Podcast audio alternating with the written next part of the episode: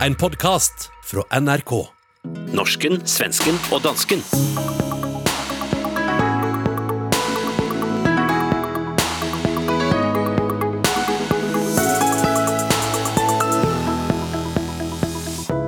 Fornuft eller følelser? Logos eller patos? Hva og hvem stoler vi mest på? Mens svenskene synes at bli stadig reddere, har danskene fundet roen. Nordmænd vet ikke helt, hvad vi skal føle. Men hvad lurer i coronatidens blindzoner?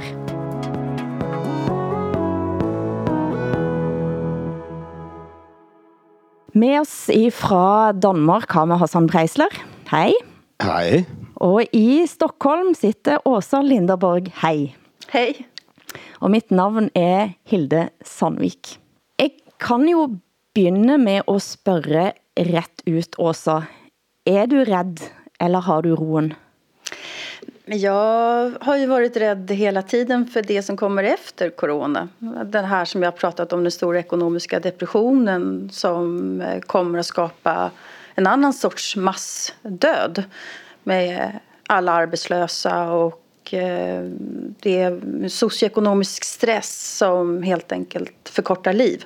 Så på så vis är jag ju rädd. Men samtidigt så blev jag glad igår när jag hörde att Volvo ska öppna sin fabrik i Göteborg. Så 20 000 Volvoarbetare ska få gå till arbetet och då blev jag glad. Mm. Så ja, det går lite upp och ner det där, min, eh, min ångest och, och rädsla faktiskt. Du då Hassan?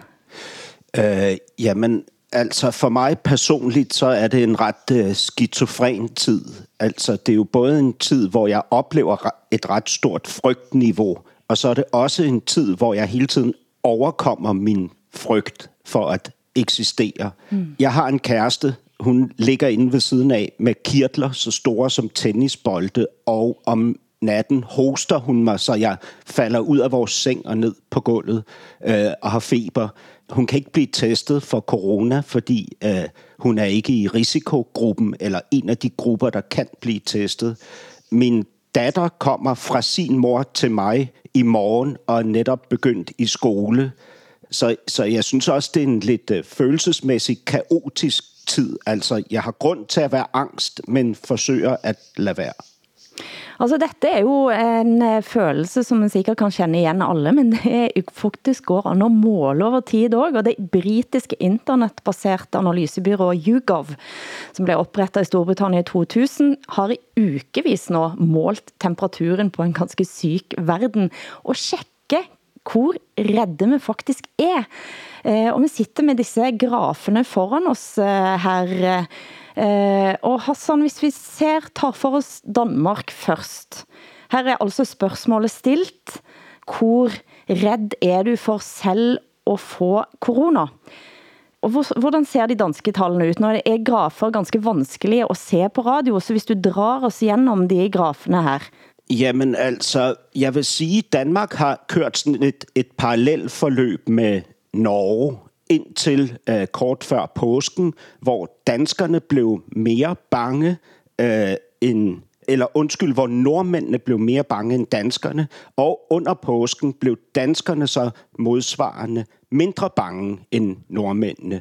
Og nu er øh, Danmark sådan, at de lige har overhalet Norge en gang til, og vi ligger nu lige under 50, altså 50 procent, som er bange for selv at pådrage sig corona. Mm. Eh, eh, Sverige har været utenfor landet her også veldig længe også, mm. Eh, men næsten ikke redde i det hele taget, så lite redde, at det blev faktisk en sak i Forbes. Men her har det også skett nogen ting.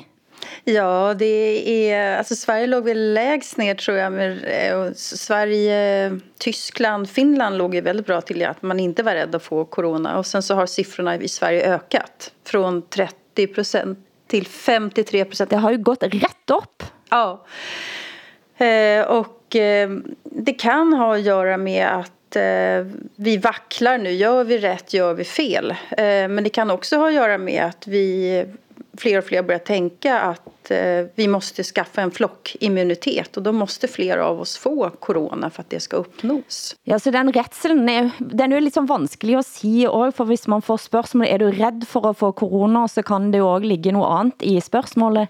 Ja. Altså, jeg sitter her med Norge igen, da, som vi ser jo ut som vi ikke klarer at bestemme oss. Eh, For der, eh, der man har en ganske tydelig grafe i, eh, i særlig i Sverige da, eh, som har økt veldig, og Danmark har eh, været flott, så er vi sådan, ikke redde, blir redde gjeng, ængstlige, så slapper vi av, og så begynder det at bli, bli redde igen. Eh, og det kan jo også ha noget med nyhedsbildet at gøre. Det kan være veldig mange ting, som påvirker frygt, og en ting kan være, når kendte personer rammes.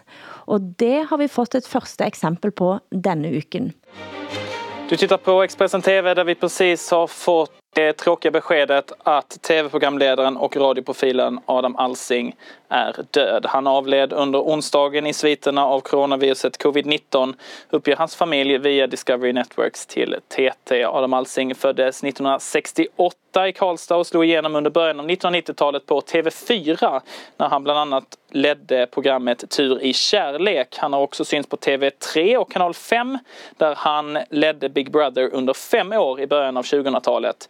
Adam Alsing har också lett direktsända galor som Fröken Sverige, Fotbollsgalan och Grammisgalan. Adam Alsing blev 51 år gammal och här ser vi bilder från hans tidiga tv-karriär under 1990-talet. 51 år gammel eh, Åsa eh, skedde denne uken. Adam Alsing, hvem var han?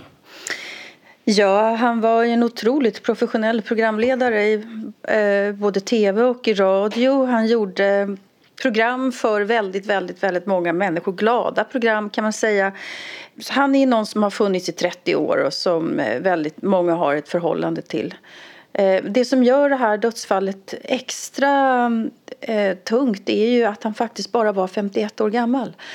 Eh, och eh, vi vet inte om han hade några underliggande sjukdomar och det är ingenting som man ska spekulera i heller. Men, men han är för ung eh, för att dö. Och jag kanske att det här kan förändra den svenska journalistiken lite grann. Att bli mer kritiskt eh, frågande om den svenska linjen har varit rätt eller inte. Jag vet inte. Men, men ja, han är lite för ung för det här faktiskt.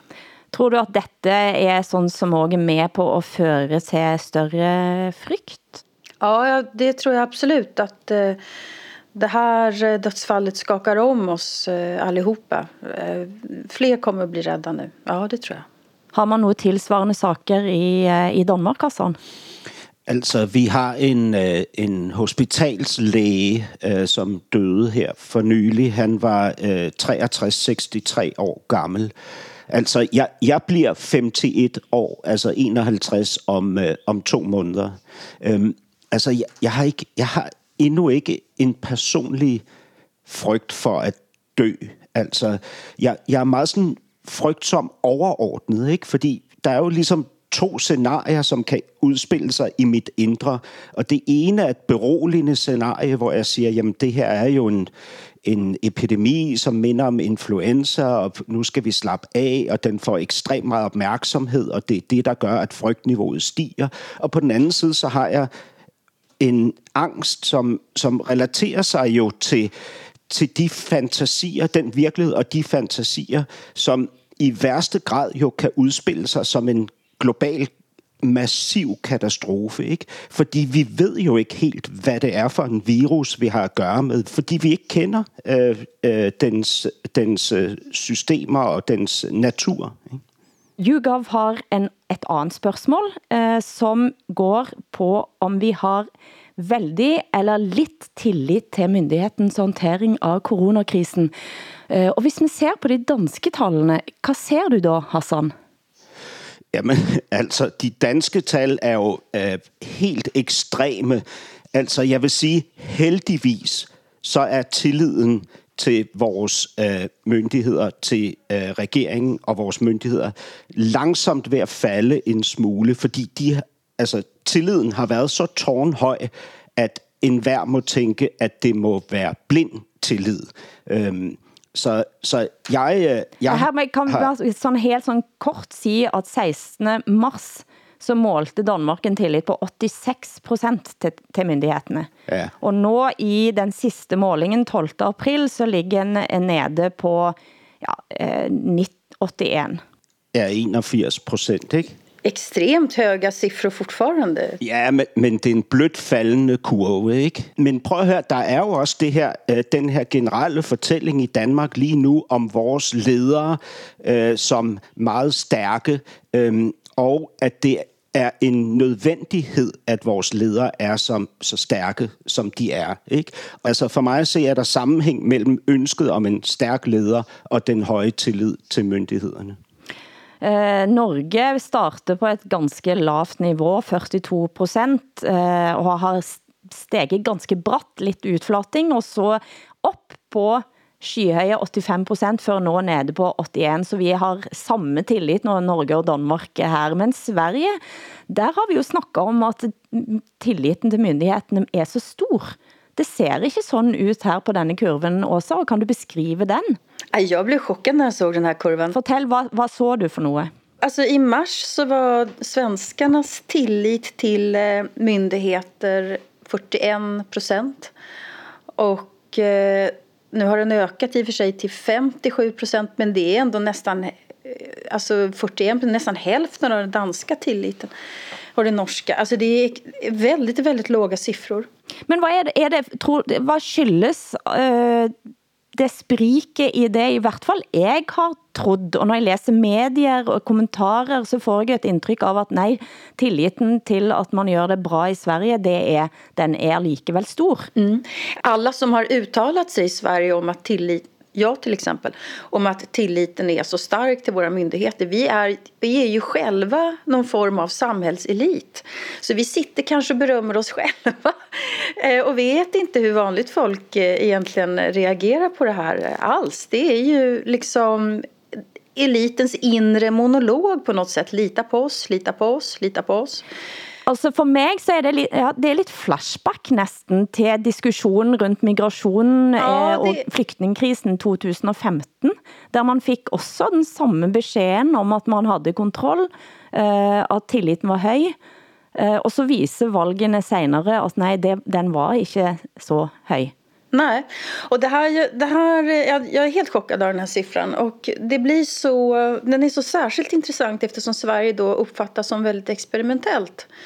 Eh, så att om det skulle visa sig då att vi har fattat fel, fel strategier, fel beslut så kommer ju kritiken att vara massiv för att den finns ju liksom redan i de här siffrorna egentligen. Då lever ju liksom beslutsfattarna, de kommer att leva farligt i så fall. Ja, men, men, men altså beslutningstagerne, de skal leve farligt. Altså, jeg, jeg, jeg har det sådan, at meget, meget høje tillidstal er bekymrende. Altså, der, der er noget skræmmende ved, ved de her ekstremt høje øh, tal. Altså, jeg, jeg forstår ikke, hvorfor det er så eftertragtet, at der skal være så høj tillid til myndighederne og regeringen. Hvorfor ønsker vi ikke netop, at der er en naturlig mistillid til magten? Fordi vi ved, at magten korrumperer. Ikke fordi de individer, der sidder deroppe, er korrupte mennesker, men fordi magten i sin natur korrumperer. Og den gør os blind, den lukker vores øjne, den forfører os osv befolkningen skal,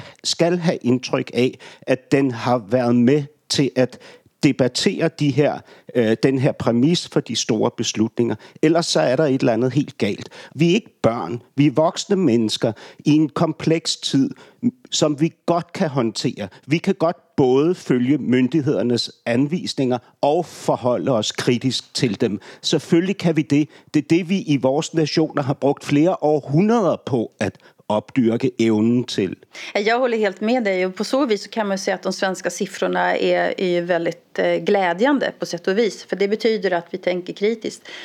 Å andra sidan så har vi ju pratat om att coronaviruset är som ett krig, att vi är som en krigssituation. Eh, och då finns det nog ändå, kan jag tänka, något rationellt i att okej, okay, nu sluter vi oss samman här och så, och så går vi med på att det är den här strategin som vi ska arbeta efter. Det som gör de här siffrorna lite arbetsamma eller jobbiga för mig, det är ju att jag har ju försvarat den svenska linjen. Jag har ju tänkt att det är det här pragmatiska projektet som Sverige har haft, eh, att inte stänga ner, att det har varit rätt. Det är lite förvånande att jag att jag inte tänker mer kritiskt kanske. Jamen, det er, jo egentlig, det er jo egentlig ret morsomt, øh, Åsa, at du ønsker dig den, den danske graf, og jeg ønsker mig den svenske graf. Ikke? Ja, verkligen. Snorre Valen i eh, SV, Socialistisk Venstreparti, havde en eh, kronik i Adresseavisen eh, her om dagen, der han siger, at i all lydighed, så må vi nå ikke glemme, at det vi ser rundt oss ikke er det normale. Altså retselen for at vi også er så lydige, at vi indordner os, at dette skal være en normal hverdag. Og for mig, så må jeg indrømme, at det traf mig vældig. Jeg vil ikke, at dette nogen gang skal blive normalitet. Visst. Norsken, svensken og dansken med Hilde Sandvik, Åsa Linderborg og Hassan Preisler. Når jeg ser på det norske, da, altså, som har drevet godt op og ned, eh, så har jeg en eh, mistanke om at en retselen for at vi kan bli eh, smittet, den begynder at stige i det øjeblikket regeringen går ut og siger, at skoler og barnehager skulle åbnes igen denne uken. Og i normale tider så ville jo det været en god nyhed. Nå er det egnet til at skabe frygt. Vi hører et klipp fra Norges vigtigste daglige debattprogram, Dagsnytt 18. En av dem som er bekymret, det er deg, Gunn Heidi Lillebakken. Du er eh, tobarnsmor og med oss fra Bø i Telemark. Hvorfor eh, kommer ikke du til å sende dine to døtre, som da går henholdsvis eh, andre og fjerde trinn, tilbake på, på skolen den 27.? Jeg er livredd for mine barn. Jeg har jo sjøl astma, så jeg tør ikke tænke på, hvis jeg hadde blitt syk, hvad som hadde skjedd. Men så, eh, nå har jo flere eksperter da sagt at det er eh, lite smitte blant barn, og helsemyndighetene har jo for så vidt vært mer positive til at barn skal være i barnehage og skole enn det politikerne mm. har valgt å gjøre. Hvorfor stoler du ikke på dem? Nei, for det har jo dødd barn. Det, er, det kan ligge underliggende sykdommer på barn. Eh, de kan være smittebærere. Eh, det er ingen som vet noen ting. Det er ikke veldig mange eh, i verden som har åpna opp skolene eller skal åpne skolene sine. Det er stort sett eh, De holder stengt fram til sommeren. Så Norge og Danmark er vel, eh, og Sverige da, selvfølgelig, så, som åpner opp skolene sine, eller så er resten stengt.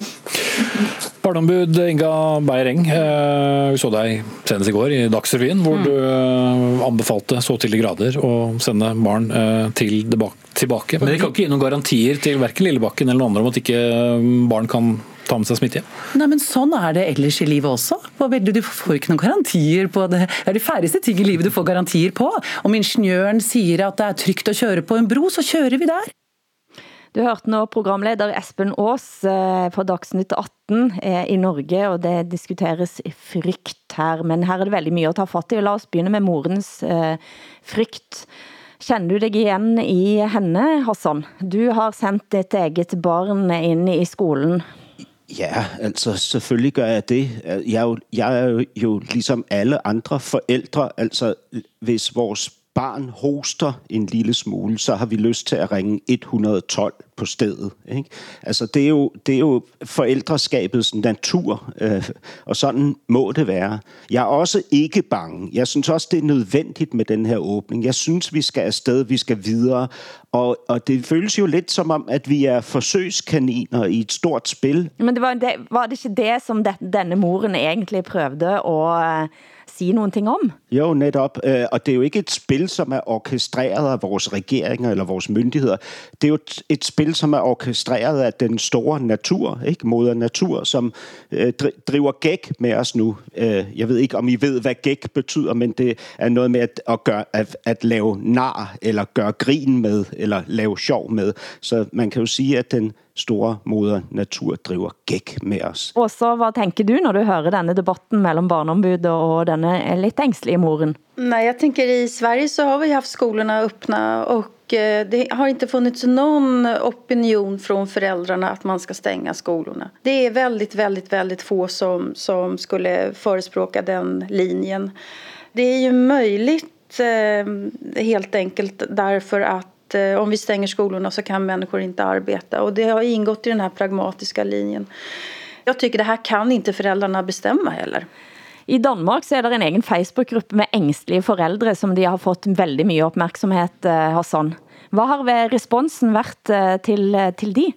Nå, men altså, det er jo en forældregruppe, hvor i med, med mange tusind medlemmer, altså, hvor i man udtrykker den her frygt for at uh, udsætte sine børn og sig selv for smittefar ved at åbne, ved at skolerne bliver åbnet igen.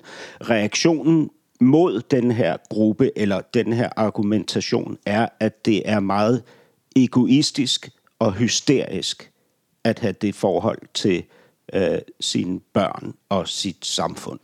I Norge har vi en eh, stor gruppe som heter eh, Status Lærer på Facebook, og der har det været mye diskussion. Eh, og jeg må indrømme, jeg tænker, når jeg læser mig lidt op der, at lærere, som, eh, som der nægte, og, eller som, som ønsker at være hjemme av, av retsel, de skulle ikke til alle andre yrkesgrupper, som også er ute, altså butikkarbejdere, eh, folk som jobber i sykevården, eller andre personel som hele vejen er ute, og når man i tillegg vet, at der er, det har jo knapt været nogen barn, eh, som har, eh, som har blitt veldig syke av corona. Nej. Visst, så är det ju. Eh, Hadde der nogen eh, kommentarer til barneombudets respons her? Le lidt og sige, at vi har, vi har jo ingen sikkerhed for nogen ting. Ja, just det. Det var ju en väldigt bra kommentar faktiskt. Det, det ja, sant. Nej, og på den måde så kan man jo sige, at øh, coronakrisen her tvinger os tættere på livets egentlige præmis, ikke? som jo er fuldstændig berøvet for garantier. Ikke? Dette er norsken, svensken og dansken.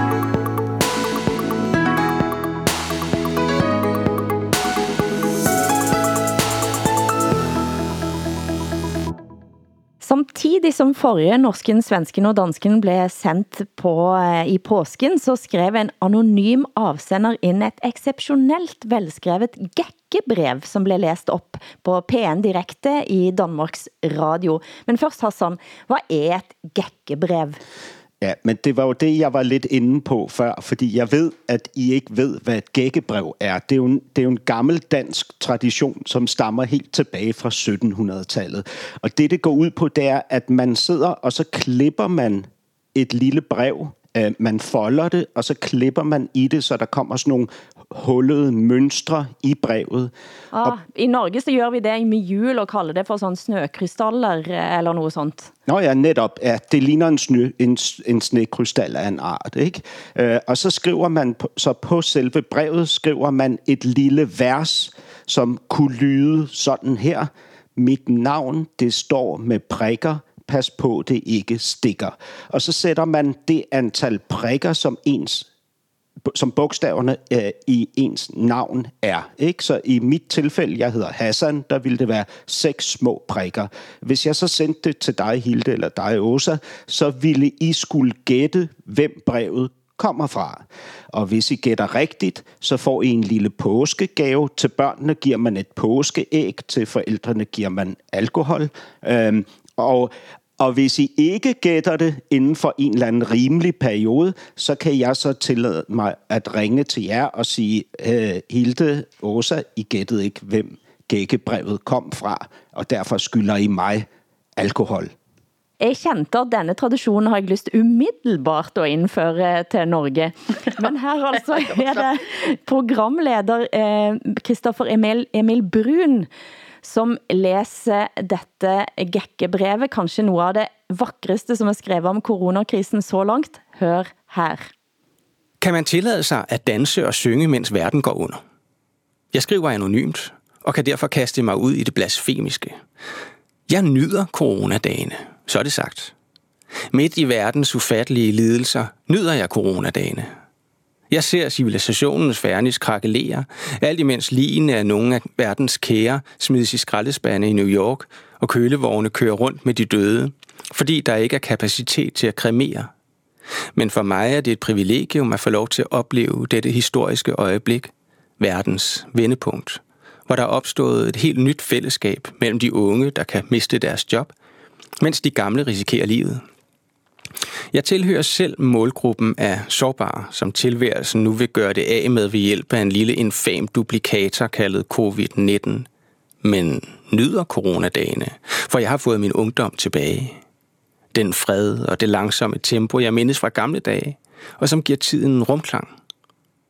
Jeg telefonerer hver dag med mine venner, og vi lever tættere sammen end nogensinde. Tættere adskilt. Vi bekæmper corona ved at tale med hinanden. Den gamle verden er forbi og kommer aldrig igen. Noget nyt kan begynde. Det gamle bibelske syn fra Mosebøgerne, hvor mennesket skulle herske over jorden, holdt ikke. Et nyt livssyn vil vinde frem under stor smerte. Den snævre egoismes tid er forbi, og den store sammenhæng åbenbares gennem en lille bitte virus. Menneskene over hele jorden er forbundet med hinanden i uendelige smittekæder. Mange på min alder føler, at de har fået en mere oprindelig fred tilbage. En skyldfri frihed, uden tvang og plager. Man skal ikke noget, er lovligt undskyldt. Dagene har fået uendeligheden tilbage, og stillheden. Siden har det kommet frem, hvem som var forfatteren i teksten, og Hassan, eh, hvem var det? Jamen, det er øh, den danske ikoniske forfatter Susanne Brygger, som har skrevet det her gækkebrev, som jo er usædvanligt, øh, fordi det er meget modigt. Altså, hvem vil ture sige lige nu, at de nyder denne her tid, hvor øh, jorden er ved at gå under? Øh, og, og jeg er sikker på, at hun nok skal få en masse ballade på grund af det, øh, når det bliver opdaget, at hun har skrevet det her. Men har det, har det blitt noget ballade? Ikke endnu, nej. Men øh, da, hun kan godt ryge ud i en shitstorm, fordi hun øh, tillader sig at nyde den her tid, hvor andre mennesker ligger syge og dør. Ikke? Og så du sa i første program, at corona er en vitaminindsprøjtning i kunsten, hvis jeg forstod det ret. Er det det vi hører det første tegnene på her? Ja, jag ryser när jag hör eh, Susanne Brugger. Um, här förstår man vad man ska ha de intellektuella till överhuvudtaget. Hon eh, tar fram hela den här ambivalensen hela dialektiken. Hon gör det så otroligt distinkt och det finns ett vemod också i, i den här glädjen. Det är fantastisk text. Är det. Så ja, jag, jag är djupt berörd av, av den här dikten. Men det som jag tycker är så spännande med Danmark här. Ni har tre starka kvinnor ni har Mette Fredriksen, ni har drottningen och sen så har ni din riktiga majestäten här och det är ju Susanne Brugger. Alltså vilka, vilka stora kvinnor som gör anspråk på den här tronen. Men det är ju Susanne Brugger som man vill lyssna på. Faktiskt. Ja, alltså nu, nu sitter vi ju, øh, när vi talar om det här på Dansk P1. Øh, Dansk, øh, Danmarks Radio har ju också en kvinnlig generaldirektör och vi har också en over hende en kvindelig kulturminister, og over hende har vi så den kvindelige statsminister, og over hende har vi så kvinden Susanne Brygger. Øh, ja, den eneste i den her ligning, som endnu ikke bevisligt er en kvinde, det er jo Gud. Men jeg kender jo igen mye av at det står frem, hvem man har lyst til at forholde sig til, som du Hassan har været innom i tidligere programmer også. Hvem er det, vi savner? Hvem er det, vi vil snakke med? Hvem er det, vi vil dele dagen vår med? Ja, altså hun, hun øh, Susanne Brygger kalder det civilisationens fernis. Øh, og det er jo det der tynde lag, vi ligesom render rundt og beskæftiger os med i, i 99-99 procent af tiden. Ikke? Altså det er helt tynde, den helt tynde overflade af det, vi bruger alle vores kræfter, al vores energi på. Ikke? Og jeg elsker, at jeg er blevet revet ud af den idioti, som jeg har fyldt mit liv med. For jeg havde ikke gjort det frivilligt. Den betyder simpelthen for meget for mig, og jeg lider alt for meget af FOMO, altså Fear of Missing Out, som jeg måske i mit tilfælde vil kalde POMO, uh, øh, Panic of Missing Out. Ikke? Uh, altså, så, så for mig, der skulle der det her til, for at jeg omlagde mit liv sådan, som jeg har gjort. Og jeg bliver nødt til at sige, uh, som Susanne Brygger, at det er en frygtelig tid. Folk dør, økonomierne falder, øh, øh, verden ser ikke ud, som den gjorde før. Men jeg har det altså fantastisk. Altså, jeg nyder at have tid til at skrive. Jeg nyder ikke at behøve at forholde mig til alle de idioter, der er ude i verden. Ikke? Og jeg, jeg nyder at være far for min datter på en anderledes måde, end jeg har været før. Jeg er også en bedre kæreste lige nu. Ikke? Men dette antropocene, som jo har et andet eh, eksistentielt alvor i sig, som handler om verdens, eh, hvordan verden skal se ut, og, og hvilke kræfter som skal styre naturen, er det menneske, er det tanken? Jag tycker det där är svårt att svara på men, men alltså det finns ju någon slags dragkamp mellan förnuft och känsla. Eh, och det är en konstruktion, eh, har alltid varit en konstruktion. Det var en konstruktion under, eh, under upplysningen också. Alltså när vetenskapen och rationella slår igenom i världshistorien så måste vi ändå komma ihåg att upplysningsmännen personerna var otroligt passionerade. Eh, och den franska filosofen Diderot han sa ju att en hederlig människa är sensibel. Eh, så att det finns ingen motsättning skulle jag säga mellan förnuft och känsla. Men däremot så finns det ju nu en ökad, eh, ett ökat behov av expertis. Eh, vem vet någonting? Och hela den här postmoderna traditionen har ju slagit sönder för att vi vill faktiskt, eh, tack och lov, vi vill veta saker nu. Vi vill ha klara fakta eh, och vi vill inte hålla på och säga att det finns en sanning, två sanningar, tre sanningar. Vi vill veta. Eh, den kraften skulle jag väl ändå säga har stärkt så här, om det är svar på din fråga, jag vet inte. Men, men, men alltså, vi ved jo ikke, om verden vil gå ned eller gå op. Vi har ingen idé om det. Eh, vi, vi står jo alle sammen et sted, hvor vi totalt har mistet orienteringen, fordi fundamentet er revet væk under os. Ikke? Og når vi mister for, for fundamentet, så forbinder vi os hver især til det egentlige, altså det væsentlige, det nære, ikke? det der har den største betydning, der hvor vi stadig kan føle, at vi er mennesker, og vi har en overlevelsesmulighed. Og det, det, er, jo, det er jo det, det er jo det sted, som er så ekstremt øhm, bevægende og stort, når man først giver sig hen til det. Ikke? Fordi, fordi det andet er jo fernis. Ikke? Det er jo, hvad hedder det, vi, vi render jo rundt som myrer i en stor konstruktion. Ikke? Altså og forbinder os til hinanden og gør ting, vi ikke mener for fællesskabets skyld, og hugger en hæl og kapper en tog for kollektivet og så videre. Ikke? Og, og til sidst kan vi ikke længere mærke, hvem vi er. Altså prøv at høre lige nu, hvis man giver sig selv muligheden for det, så er der jo potentiale for i den grad at mærke sig selv og undersøge sig selv i forhold til til de omgivelser, som är de egentliga omgivelser. Det är sant, jag håller med om, jag håller med om allt det där. Men, men vi kommer fortfarande, oavsett om världen går upp eller ner, så är frågan hur ska man försörja sig? Jag måste ha ett arbete, jag måste betala mina räkningar, jag måste ha någonstans att bo. Det är det grundläggande behovet. Eh, och hur ska alla människor efter, efter det här kunna försörja sig? Det är den stora ödesfrågan i det här. Um, och sen kan man, vara, man kan vara filosofisk och tänka så här, åh gud vad jag sätter värde på mina vänner mer nu än förut och så där. Okej, okay, men uh, räkningarna ska betalas till slut. Men, men hvad har man bare reelt brug for få penge i forhold til, hvad man øh, forbruger for? Ikke? Altså, mit forbrug er jo faldet helt ekstremt meget. Altså, jeg, jeg er, altså, jeg er kæmpe skofetishist. Ikke? Altså, jeg har ude i min gang, har jeg måske 50-50 par sko. Ikke?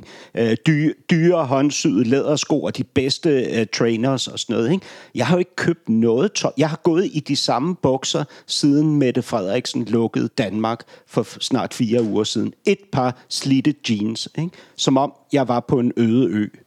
Det jeg tror eh, Susanne Brøgger eh, gør her i tillegg til at placere os selv ind i en anden type ro, når hun snakker om det antropocene, for at give en beskrivelse til det, så er det også navnet, som er brugt på en helt ny tidsalder, som blir defineret av vår eh, stærke, massive indvirkning på jordkloden, og på mange måter så er det jo det vi ser nu, jorden slår tilbage, eller eh, det er vår indgripen, det er våre handl vårt handlingsmønster, som, som fører til og dette viruset.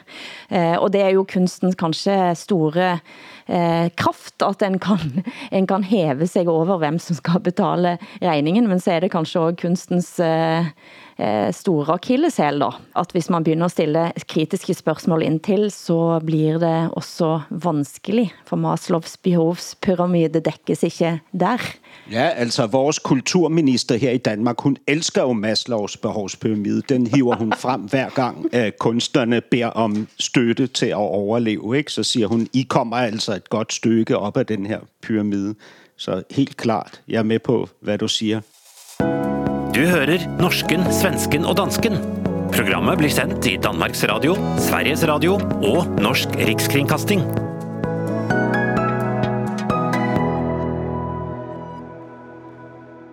Et av behovene man tydeligvis har i Skandinavia er behovet for det royale. Eh, Og denne uken er dronning Margrethe altså 80 år, og hvordan skal hun feire sådan? Ja, det er jo det, hendes, hendes, øh, hun har jo aflyst sin fest for lang tid siden. Det er klart, fordi den ville jo samle alt for mange mennesker.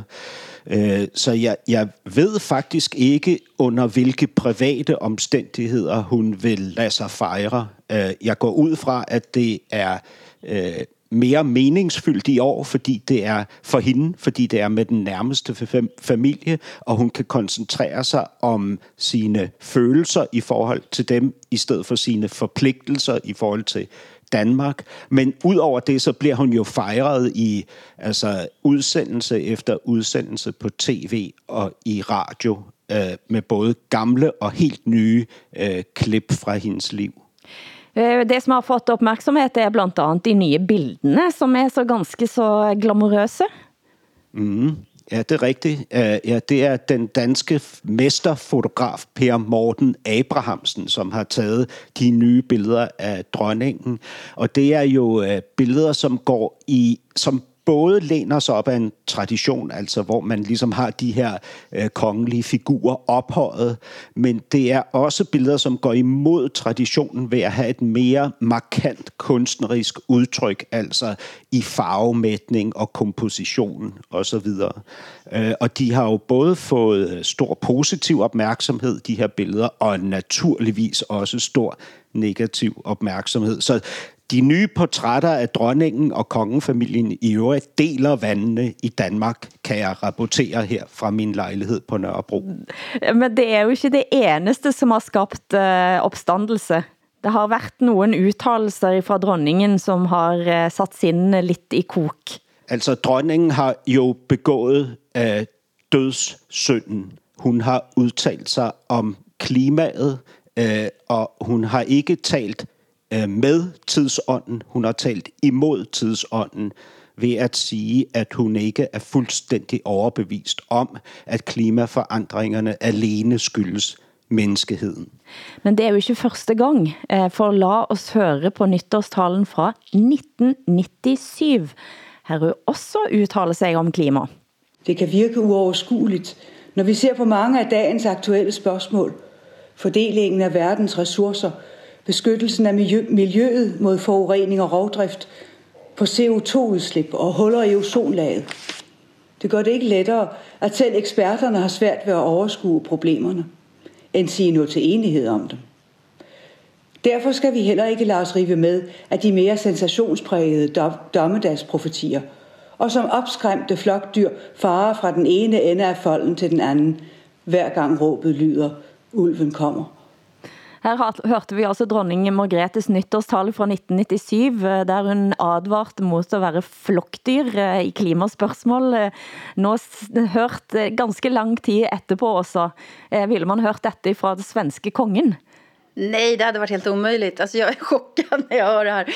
Men jag, jag, jag tänker ofta på drottning Margrethe för hon är så annorlunda, annorledes alla andra drottningar. För att hon, hon färgar inte håret, hon har inte gjort någon ansiktslyftning, hon röker, hon målar. Hon, vi uppfattar henne som intellektuell här i Sverige. Åh, vad roligt för Danmark, att, morsomt att ni har en intellektuell eh, drottning. Vi har inget liknande i Sverige alls.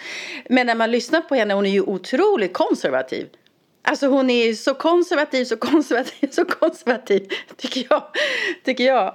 Alltså en, något motsvarande har vi ju inte i Sverige att en, att en drottning eller en kung skulle sitta och prata om klimarörelsen eller klimatet på det där sättet och ifrågasätta aldrig. Nej, altså, men, men du har jo ret. Altså, på, på den måde så adskiller hun sig jo fra andre øh, statsoverhoveder. Øh, men, men, øh, men altså, den, dan, det danske venstreorienterede akademiske intellektuelle miljø vil bestemt ikke betegne dronning Margrethe som en intellektuel. Altså, ja, ja, ja, men jämfört med det svenske kungahuset.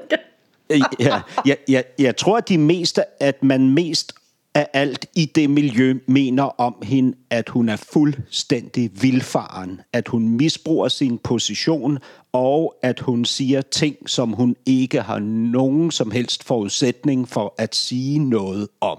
Ikke? Det sjove er jo så, at de samme miljøer gerne vil acceptere Greta Thunberg som profet, eller Bill Gates for den sags skyld i forhold til corona. Ikke? Altså, han er jo den øh, klikes nye guru. Ikke? Men dette går jo ret ind i diskussionen, som vi havde nå i sted. Altså, eh, fakta eller følelser, og så du sa, at nu er vi på, tid, vi er på vej ind i en anden tid, der vi hører på ekspertisen. Um, sådan sett så er vel ikke dronning Margrethe heller helt på lag med den tidsånden. Nej, hon är, hon är verkligen eh, magnifik i sin, i sin egenartade ställning här. Det måste, det måste man ju säga. Ja. Jeg kan bare i hvert fall si på vegne av det norske kongehus, for å opphøve mig til talsperson der, så tror jeg det ville vært umulig, med mindre du het eh, kanskje prinsesse Märtha.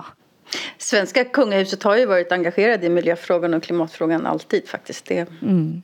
Men man må jo sige, at de, de to modigste udsagn i denne her uge, der er passeret her fra Danmark, har jo været altså et, Susanne Brygger, som siger, at hun elsker coronatiden, og to, dronning Margrethe, som siger, at klimaforandrene ikke primært skyldes menneskeheden. Ja, det er fantastisk. Gratulerer! du hører norsken, svensken og dansken. Programmet blir sendt i Danmarks Radio, Sveriges Radio og Norsk Rikskringkasting.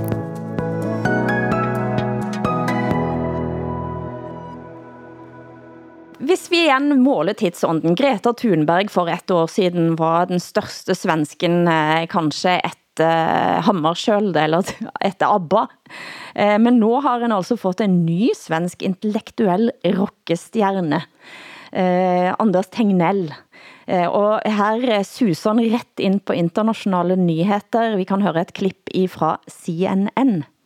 Swedish health officials say their approach is designed to slow the virus where it spreads most, and they don't think that's in bars and restaurants. Not convinced that lockdowns and these kind of things worked very well. Anders Tegnell, Sweden's state epidemiologist, says their strategy's focus is asking everyone to avoid travel, work from home where possible, and isolate if you feel unwell. And he says it's worked, flattening the curve, keeping critical cases within the capacity of the health system. I think one of the strong reasons for why we have been doing what we're doing in Sweden is that we feel that this is very sustainable. Critics say Sweden is now trapped in a high risk experiment. Swedish officials believe they've found the right balance. Either way, in the coming months, Sweden will have much to teach the world about how to best manage COVID 19. Han står som en klippe og har satt Sverige på verdenskartet på en helt anden måte end sine skandinaviske kolleger Søren Brostrøm eller Espen Nakstad. Ehm, jag tror att det som gör att, att Ehm, Tegnell både provocerar men också imponerar tror jag har att göra med att man vet att han aldrig har bett om att få den här platsen i, i strålkastarljuset. Han gör sitt jobb. Eh, och han står inte heller i någon dyr kostym utan han har en vanlig tröja på sig. Han höjer aldrig rösten, han tappar aldrig humöret. Eh, och han försöker svara på alla frågor. Och jag tror att väldigt många känner att här går Sverige tillbaka till tiden med en social ingenjörskonst. Liksom. Att det här är eh, det här är någonting som han gör därför att han faktiskt tror att det här är bra för Sverige en dag på jobbet helt enkelt. Och det är lite lustigt egentligen att vi också har en statsminister, Stefan Löfven, som heller inte riktigt vill ha sitt jobb. Mm. Eh, och därför så respekterar man honom tror jag i det där. Att han bara gör det här för att han, någon måste göra det. Någon må brette upp ärmarna. Ja. Jeg læste Alex Schulman, eh, kendt fra Alex og Sigge-podcasten, som skriver en slags dagbok eh, i Expressen. Han skriver veldig kort at i den timen mellem to og tre, når det er daglig pressekonference i Sverige, så kender han ro, for da har Anders Tegnell kontroll, og han kan slappe av. Eh, og inni mig, jeg, jeg har så forfærdelig lyst til at han skal ha rätt, känner jeg. Ja, det vill, det vill ju jag också. För att jag tänker att om, om det här experimentet som det kallas för med Sverige, om det visar sig att det fungerar så har ju det varit den bästa vägen i så fall eftersom det har eh, eh möjliggjort att människor ändå kan umgås, man kan arbeta ganska, i ganska hög utsträckning och sådär. Så jag hoppas ju också att, jag hoppas att han får rätt. Men det är klart att eh, om det blir fel så då kommer han och det, han kommer att hamna i historieböckerna hur som helst, kan man ju säga. Ja.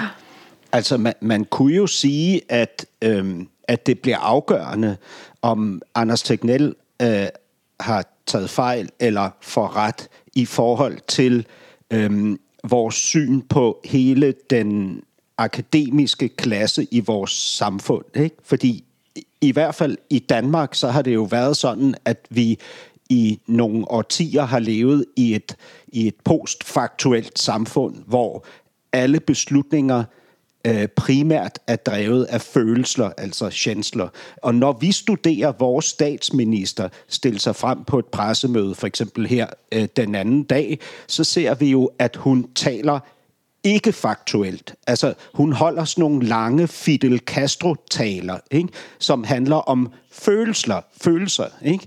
altså hendes egne følelser, og de følelser, følelser, som hun gerne vil vække hos befolkningen. Øhm, der er så lidt fakta. Øh, sidste gang, der stod hun 26-26 min, minutter før de første fakta kom på bordet. Ikke? Øh, og vi sidder alle sammen og venter og venter og venter på det faktuelle. Ikke?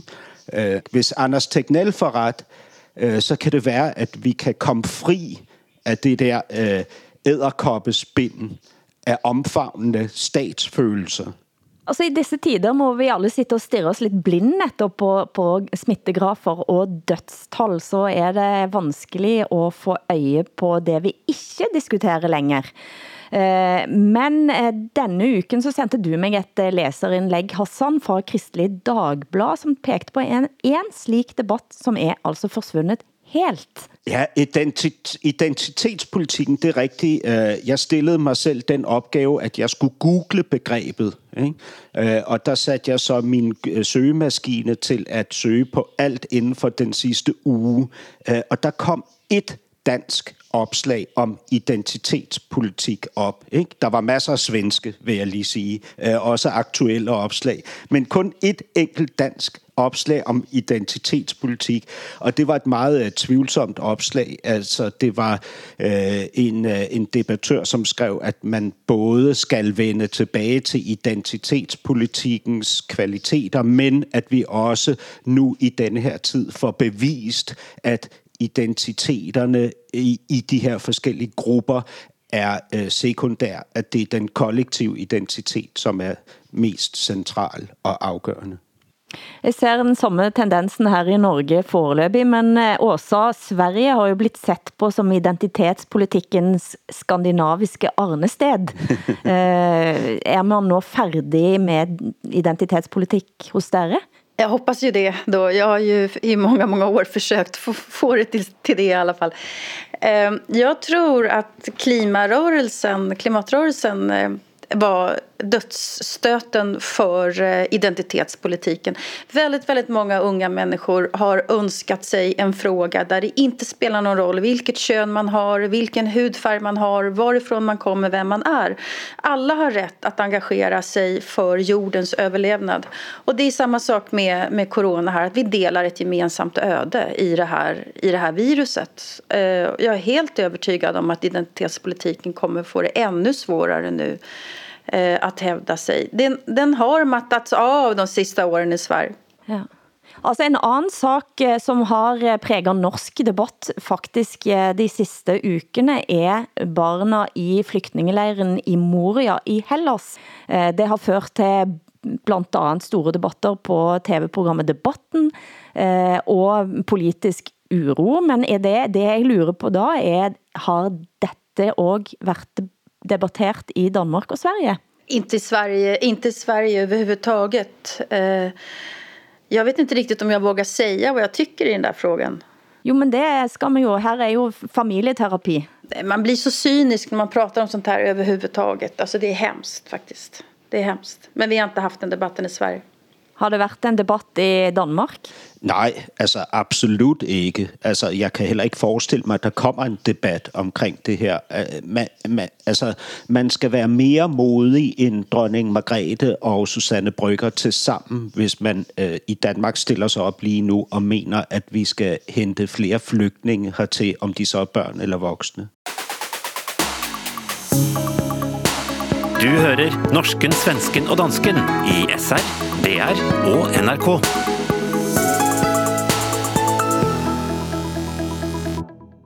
En av de sakene som har druknet i koronastøyen er dokumentarserien om branden på Scandinavian Star.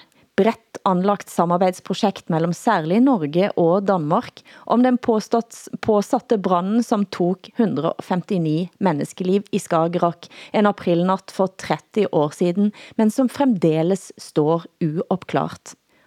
Har dere fått sett den?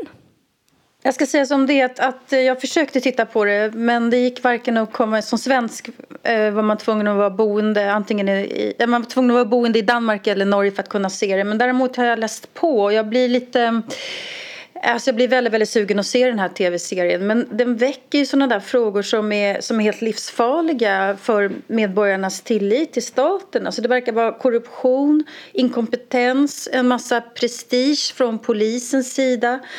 Eh, och staten liksom har inte gjort sitt arbete här och det är ju livsfarligt. Eh, jag hoppas att det kommer att visas i Sverige för det där vill jag verkligen se. Vi kan höra ett kort klipp fra traileren. Den 7. april 1990 udbrød der brand på Scandinavian Star, der var på vej fra Oslo til Frederikshavn. Finns det et helvete på jorden, så er det her. Ingen tviler på at branden var potent. 159 omkom i det statsadvokaten har kaldt århundredets forbrydelse. Siden branden har der løbende været undersøgelser og retssager, men det endelige ansvar for branden er aldrig placeret. For 30 years I've been dealing with it. That's why I'm here. To tell the stories that haven't been heard. Det her er jo en frygtelig og fantastisk serie. Altså at, at se, ikke? Fordi den giver så stor indsigt i øh, de her øh, systemer, vi lever under, og deres mekanismer. Ikke? Og jeg vil bare sige, hvis man sidder derude og overvejer, om man skal se Tiger King på Netflix, ikke? eller Scandinavian Star, så er der kan ikke være noget valg. Altså, det er en katastrofe med store konspirationer. Det, det er øh, eksperter, der udtaler sig modsatrettet om, øh, om noget, der fører til 159 menneskers død. Ikke? Det er et system, øh, som øh, forsøger at gøre det rigtige, men viser sig ikke at kunne det, fordi systemets primære fokus bliver at forsvare sig selv, at beskytte sig selv, og ikke de udsatte borgere. Ikke? Og det er så aktuelt, det er så relevant i forhold til den tid, vi sidder i lige nu. Ikke? Fordi, for at vende tilbage til begyndelsen på det her program, den der blinde tillid til vores øh, vores øh, øh magt, altså øh, magthaver, regeringssystemet osv., den, er, øh, den, den skal vi væk fra. Så, eh, lite efter att eh, Scandinavian Star eller brann upp så eh, sjönk ju den här jättestora färjan Estonia eh, med 800 som dog. Och eh, det är fortfarande stora frågetecken kring den utredningen och statens roll och ifall det är korruption och om man döljer någonting. Och det blir alltid så med sådana här katastrofer att man tror att staten ljuger. Men, men eh, jag hoppas verkligen att den här tv-serien sänds i Sverige också jeg kan si at jeg var kollega med Trond Strand, som er en av de norske journalisterne, som har jobbet ihærdigt med denne saken i mange tiår. Eh, og noget av det, som jeg synes blir urovækkende, er at fremdeles så har man ikke kommet længere. Eh, jeg så politikken skrev, at eh, man trænger ikke ha sølvpapirhatter på hovedet for at tænke sig, at her er det muffens, som det heter på norsk. Mm. Til næste gang, eh, her er opgaven, eh, se hele Scandinavian Star. Eh, på vej ut har jeg lyst til, at dere skal få med dere resten av gækkebrevet til Susanne Brøgger. Tusind tak til Hassan Preisler i København og Åsa Linderborg i Stockholm. Mitt navn er Hilde Sandvik. Vi høres igen om en uke. Den gamle verden er forbi, og en ny kan begynde. I Paris og Wuhan kan man nu høre fuglene synge. Delfinerne er kommet tilbage til Sardinien, og uden for Krakow kan man nu pludselig se bjergene, der var skjult bag smog. Den antropocene tidsalder, hvor menneskene fyldte det hele, er forbi. Himmellæmet, jorden, kan igen ånde og er ved at genopstå under stor smerte. Glædelig påske. Prik, prik, prik, prik, prik, prik, prik. Prik, prik, prik, prik, prik, prik, prik.